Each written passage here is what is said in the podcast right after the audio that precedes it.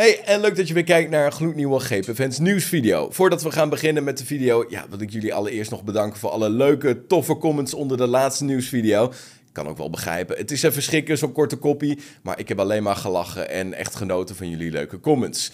Maar goed, nu kunnen we weer gaan focussen op het Formule 1 nieuws. Laten we beginnen met het team van Red Bull Racing. Want Helmut Marko heeft namelijk aangegeven dat Red Bull zich nu meer focust op de rijstijl van Max Verstappen dan die van Sergio Perez. Verstappen voelde zich begin dit jaar niet op zijn gemak in de RB18, waarna Red Bull aan het werk is gegaan. Marco weet namelijk, geef Verstappen een goede auto en de Nederlander wordt alleen maar beter. Met een auto die Max beter ligt, wordt de verstappenfactor automatisch meer benadrukt dan daarvoor. En als je zo'n coureur van buitencategorie in je team hebt, dan is het belangrijk om daar maximale uit te halen. Dit gaat dan ten koste van Perez, die eerder dit seizoen fantastisch in vorm was, maar de laatste paar races wat minder presteert. Dit komt, zo zegt Marco, deels door de aanpassingen die Red Bull heeft gedaan om de auto beter af te stellen dan voor Verstappen. Perez is daardoor misschien weer teruggevallen naar zijn normale niveau. Maar goed, teamgenoot van Max zijn is nou eenmaal niet makkelijk. Dat is overduidelijk. Ja, na zijn wereldtitel van vorig jaar heeft hij aan soevereiniteit gewonnen zonder pure snelheid in te leveren. Daardoor is hij eigenlijk nog sneller dan voorheen, zonder veel risico te nemen of materiaal zwaar te belasten. Al dus Helmut Marco tegenover motorsport.com.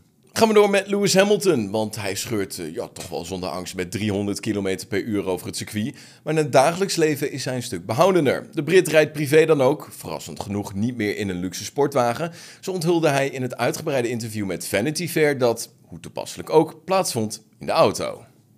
Ja, het interview werd al rijdend door het zuiden van Frankrijk afgenomen en Hamilton zat dus achter het stuur, maar het was niet in de auto waarin je hem misschien zou verwachten.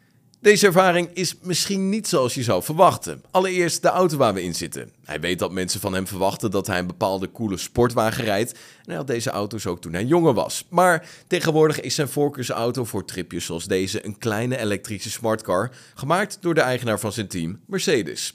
Aldus Chris Heath van Vanity Fair. Gaan we door naar de Formule E, want Nick de Vries was betrokken bij een crash waar zeven andere coureurs in de Formule E ook betrokken bij waren.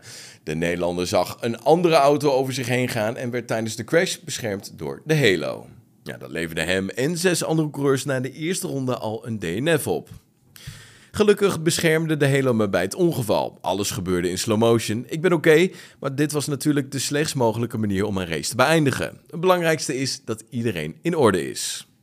Ja, deze ochtend trouwens, tijdens de allerlaatste Formule E-race, wist Mortara de race te winnen, maar Stoffel van Doornen kroonde zich wereldkampioen door de tweede plek te pakken. Mercedes pakt het constructeurskampioenschap.